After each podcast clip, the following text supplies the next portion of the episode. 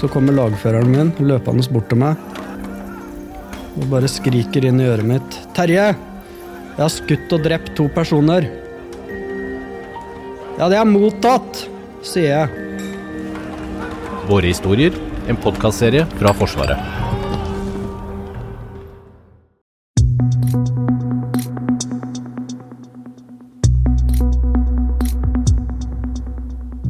Tvers igjennom ferieøya Kypros, nord for de lange, hvite strendene med charterturister, går et belte.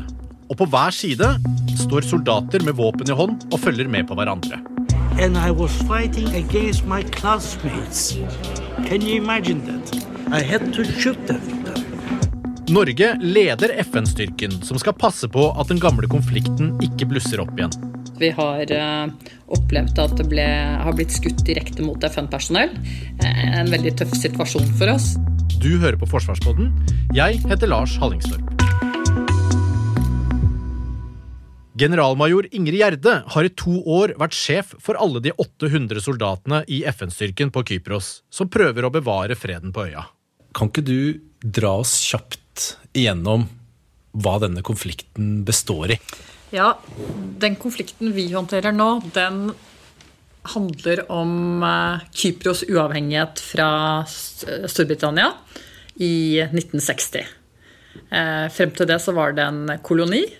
Eh, Og når Kypros fikk sin uavhengighet, så bodde det gresk og, og tyrkisk-kyprioter spredt over hele øya. Så ble det en del stridigheter knyttet til styresett og hvordan man skulle håndtere den selvstendigheten. Eh, Og i 1964 så gikk FN inn for å håndtere voldelighetene på øya. Egentlig begge parter eh, eh, var med på voldelighetene. I, og så ble det ikke fredelig da heller, men noe mer stabilt, men fortsatt voldeligheter utover 60- og tidlig 70-tallet. Og i 74 så gikk en gresk militia inn og prøvde seg på et statskupp. Da reagerte Tyrkia med en intervensjon, hvor altså tyrkiske styrker gikk inn på øya for å beskytte tyrkisk-kypriotene. Eh, Og det ble starten egentlig på en eh, svært voldelig periode på øya, hvor det da sto tyrkiske og tyrkisk-kypriotiske styrker som gikk fra nord til sør, og gresk og greskkypriotiske styrker fra sør til nord. Hva, hva slags, eh, hva, Hvor reelle kamphandlinger var det egentlig? Nei, det var i høyeste grad kamphandlinger. Det kan vi se mange, mange spor av også i dag. Så det var mange som ble drept, det var eh, mange som forsvant i, i perioder. Så det er klart, dette her preger fortsatt dagens befolkning på Kypros sterkt, på begge sider. Eh, veldig mange mistet noen i nær familie. Eh, onkler, eh, fedre som kjempet eh, under kamphandlingene. Og mange har heller ikke funnet lemningene av de de mistet. Så, og sånn sett så er det også dype sår som fortsatt preger befolkningen på begge sider. Og i tillegg denne forflytningen av menneskene. Det aller fleste av tyrkisk-kyprioter på øya flyttet nord. Og de aller fleste gresskypriotene flyttet sør for denne buffersonen. Det betyr at mange måtte forlate hjemmene sine, både av gresk og tyrkisk-kyprioter. Mange har fortsatt i dag, nesten 60 år etterpå, eiendom på andre siden som enten står og forfaller, eller er eh, bebodd av eh, andre. Så dette her eh, bidrar selvfølgelig til mye følelser fortsatt i befolkningen, på begge sider. Og noen av de som måtte flytte fra hjemmene sine, har kun fått komme tilbake til huset sitt for å hente ut familiebilder og personlige eiendeler.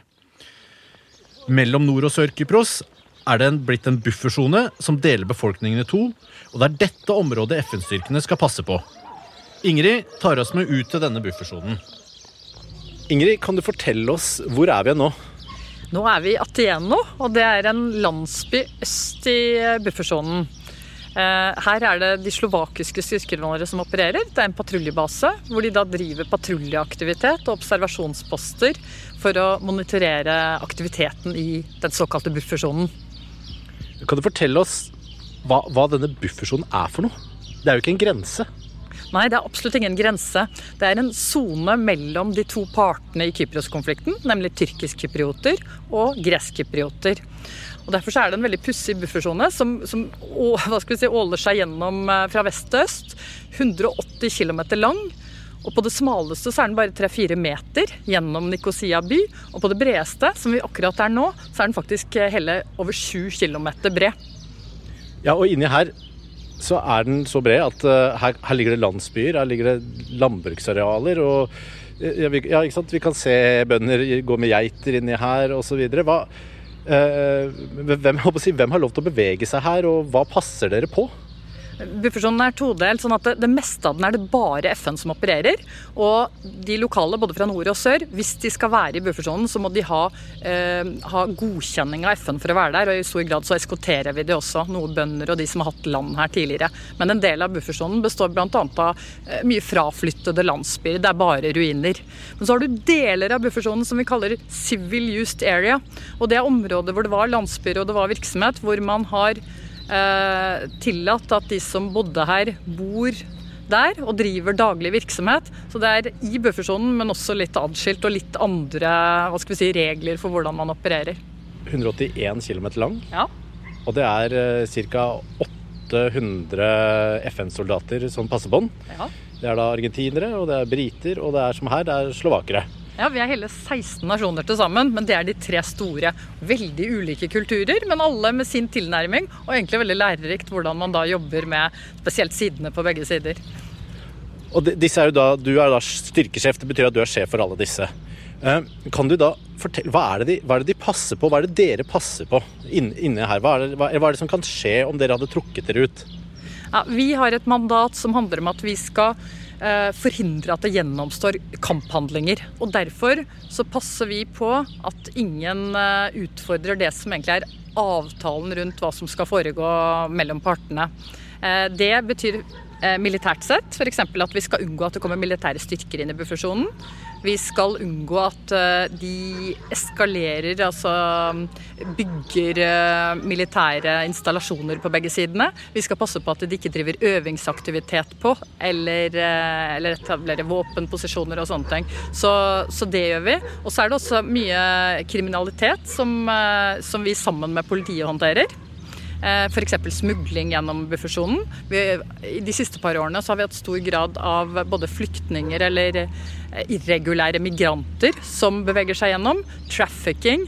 Så en masse, masse aktivitet. Og det er klart at den type som vi kaller hendelser eller, eller brudd på avtalene våre, det kan veldig fort skape spenning mellom de to partene. At de beskylder hverandre for eh, å provosere eller utfordre. Eh, og det er jo det som kan skape en, faktisk en voldelig konflikt her igjen. Hvis ikke vi klarer å deeskalere hver minste sak som skjer, og sørge for at den ikke bidrar til f.eks. bruk av våpen fra en side. Hvorfor er det viktig for Forsvaret å, å være med i disse FN-operasjonene?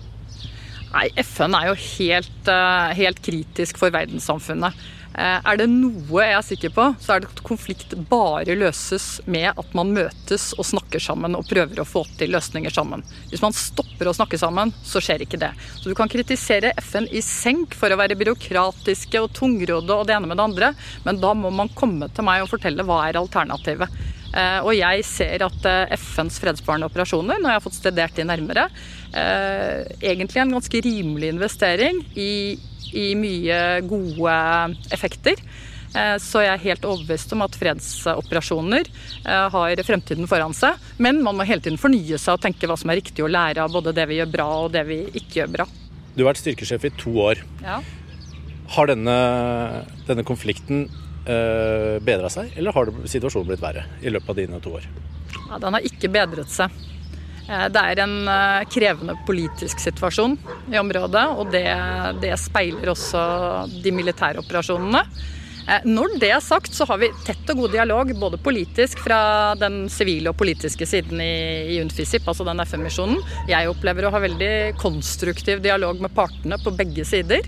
Og vi ser mange lyspunkter. Men akkurat nå er det veldig fastlåst, for det er veldig liten vilje til forhandlinger. De siste forhandlingene strandet i 2017, eh, faktisk ledet av vår egen Espen Barth Eide. Eh, og mange ga nok opp eh, troen på at de skulle finne en god løsning i konflikten når de følte at de hadde lagt så mye på bordet i de forhandlingene og ikke klarte å komme til løsning. Så det er litt sånn Hva skal vi si eh, Ja, man, man venter på at det skal komme noe nytt på bordet som gjør at man har noe grunnlag for å forhandle igjen. Du er en styrkesjef som er uh, mye på farten. Du liker å være ute blant uh, soldatene dine og se hva de holder på med og høre erfaringene deres. Hvor, hvor skal vi nå? Nå tenkte jeg faktisk vi skulle ta en, en, tur ned i denne landsbyen her og så hilse litt på lokalbefolkningen. For det er jo også veldig viktig at vi forstår eh, litt av lokalbefolkningen. Hva de er opptatt av, hva som rører seg.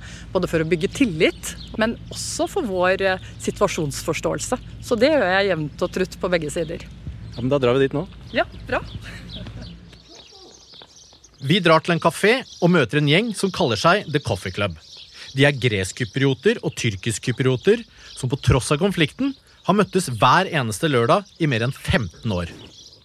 En av grunnene til at de møtes, er for å vise at folk fra begge sider kan være venner og ha det hyggelig sammen. So here we wish each other cheers in different languages, like in Turkish şerefe, in Greek isiya, and sometimes we might use some Norwegian Yes. Skål. this was this was uh, taught to us by the uh, big number of Norwegian United Nations officers, like the two lovely ladies here with us. So, skål. What do you think about the future then? Well, we are trying to do everything we can in order to find a solution to this Cyprus problem. I mean, for us, for this uh, coffee club here, there is no problem. The reason why we are mainly at this coffee club to spread the friendship and the good behavior of the people. That's what we like. And my experience was in 1974. I was a I was in England at that time at, the university, and I came back for my holiday, and I ended up in the army and I was fighting against my classmates. Can you imagine that? The feeling that you have, we were sitting at the same tables for two, three years, and I had to shoot them. And this feeling uh, gave me the reason not to hate Greek Cypriots or to see them as enemies.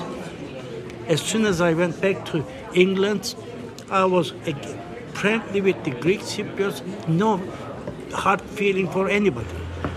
But this was a, a, a bad feeling, really, shooting at your own friends. Da Andreas og Suleiman begynte å møtes på kafeen i 2007, måtte sønnene deres dra i førstegangstjeneste som soldater på hver sin side. Nå gjør Suleiman alt han kan for at barnebarna til både han og Andreas ikke skal måtte kjempe mot hverandre. At the age of uh, uh, 15, I was a student in the college, but I had to take up arms as well. I was in the school during daytime, at the military at night time. And at the age of 20, I had to fight a war, risking my life and facing death. And now I'm doing all my best and I'm uh, trying as hard as I can to make sure that my grandchildren and Andreas's grandchildren do not go through the same experiences and we're like uh, brothers. 2007. 2007, his son had to go uh, for military service in the south, and my elder son had to do his military service in the north.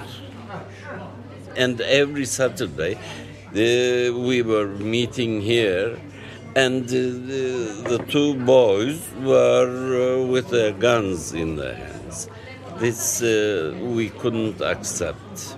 So, in such a small country called Cyprus, there has to be peace and an agreement. And that's what we are killing ourselves to achieve and contribute to the achievement of uh, such good times.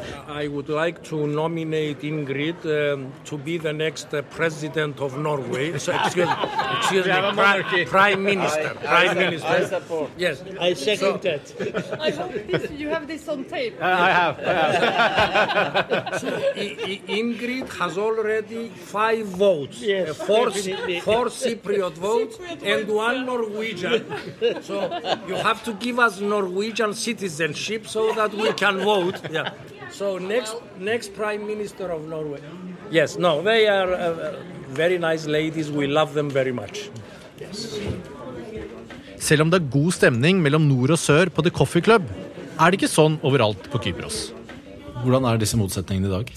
Ja, Det er interessant å se, for det er veldig avhengig av hvem du spør på øya. Eh, De har blitt, eh, Ettersom de nå har bodd adskilt så lenge, eh, så er det jo veldig synlige forskjeller. Eh, Og ikke minst språkmessig så er det litt vanskelig, fordi at tyrkiskkypriotene snakker tyrkisk, og greskkypriotene snakker gresk. Men, men folk flest jeg snakker med, de uttaler det som at her er folket har respekt for hverandre. Folket forstår at eh, mennesker er mennesker, eh, men at det særlig er eh, politisk sett at man har denne fortsatt konflikten om hvordan de skal håndtere regime, landområdene, styresett osv. Hvor, hvor store styrker har eh, nord og sør i dag, da? Jeg skal ikke gå inn på konkrete tall, men det er eh, betydelige styrker på begge sider. Vi har eh, National Guard, som er forsvaret til republikken Kypros. Og så har vi tyrkiske sikkerhetsstyrker, så altså tyrkisk-kypriotiske sikkerhetsstyrker, som er tyrkisk-kypriotene. Og så i tillegg så har jo da Turkish Mainland Army, altså Tyrkia, fortsatt styrker som står på øya for å støtte eller beskytte tyrkiske-kypriotene. Hva slags løsning er det disse to partene ønsker? Begge partene ønsker en løsning. Eh, Og så har de i all hovedsak så har både FN og partene jobbet for å få til en form for føderasjon. Altså hvor det er én stat, men, eh, men to selvstendige områder. Nå De siste par, par årene så har man fra tyrkisk-kypriotisk side sagt at man vil ikke gå til forhandlingsbordet uten at det også ligger en tostatsløsning eh, på bordet. Det betyr ikke at det må bli det resultatet, men at de i hvert fall er villige til å diskutere det. Og Det har vært eh, umulig for eh, den andre siden å akseptere. Og også FN er eh, av den oppfatningen at vi jobber for en føderasjon her. Så, og det er jo en av grunnene til at man ikke har hatt forhandlinger siden eh, 2017. Å være her på Kypros, eh, og spesielt i hovedstaden Nikosia, så, så er det jo denne konflikten ekstremt tydelig. Eh, Byen er bokstavelig talt delt i to. Um, og det, ja, det preger jo folk. Det er jo Hver dag i avisene så skrives det om det osv. Men hjemme hører vi jo veldig sjelden om det. Er det, er det, er det en glemt konflikt? Ja, det tror jeg i grunnen. At den, den har pågått i snart 60 år. Og vi har jo akkurat i dag har vi en annen konflikt som, som eh, absolutt også naturlig nok eh, preger nyhetene mye mer. Men, men jeg tenker også at det, det, har, det har vært diverse forsøk på fredsforhandlinger. Det har gått frem og tilbake med hvor nær man har vært å finne en løsning. Men det er egentlig synd samtidig å se at en konflikt i vårt eget nærområde Europa, og hvor mange nordmenn drar på ferie og har et forhold til Kypros, at det likevel er så lite kjent hva denne konflikten egentlig går ut på. Er det, er det vanskelig å være nøytral? I det store bildet så syns jeg ikke det. For jeg har faktisk, og det er ikke noe jeg sier bare fordi jeg politisk sett bør si det, men, men jeg har stor forståelse for, eh, for begge sidene. Ut fra den historikken de har, og, og den situasjonen de har i dag. At de til dels opptrer som de gjør. Eh, Men i forhold til en del enkeltsaker, eh, så er det vanskelig. Av de to du har vært her, er hvilken enkelthendelse sitter du igjen med? Av de alvorligste hendelsene, hvis jeg skal tenke på det, så, så må det være at vi har eh, opplevd at det ble, har blitt skutt direkte mot FN-personell. Det er vi egentlig ganske vant til fra Afghanistan, vi har tidligere tjenestegjort. Men i en konflikt som er så fredelig som nå, så, så var det en, eh, en veldig tøff situasjon for oss eh, når det ble skutt mot et av våre patruljekjøretøy. Og nå har vi opplevd det også senere. Eh, så det er nok den sånn sterkeste opplevelsen, det der ansvaret man har for um, de som er ute og patruljerer. Eh, så, så, det er i hvert fall en, en, kveld og en natt jeg husker veldig godt når vi jobbet med en, en, den alvorlige situasjonen. Du har hørt på Forsvarspodden, og de som lager Forsvarspodden, er Jørgen Lyngvær, Thomas Haraldsen, Hege Svanes, Fredrik Tandberg og meg, Lars Hallingstorp.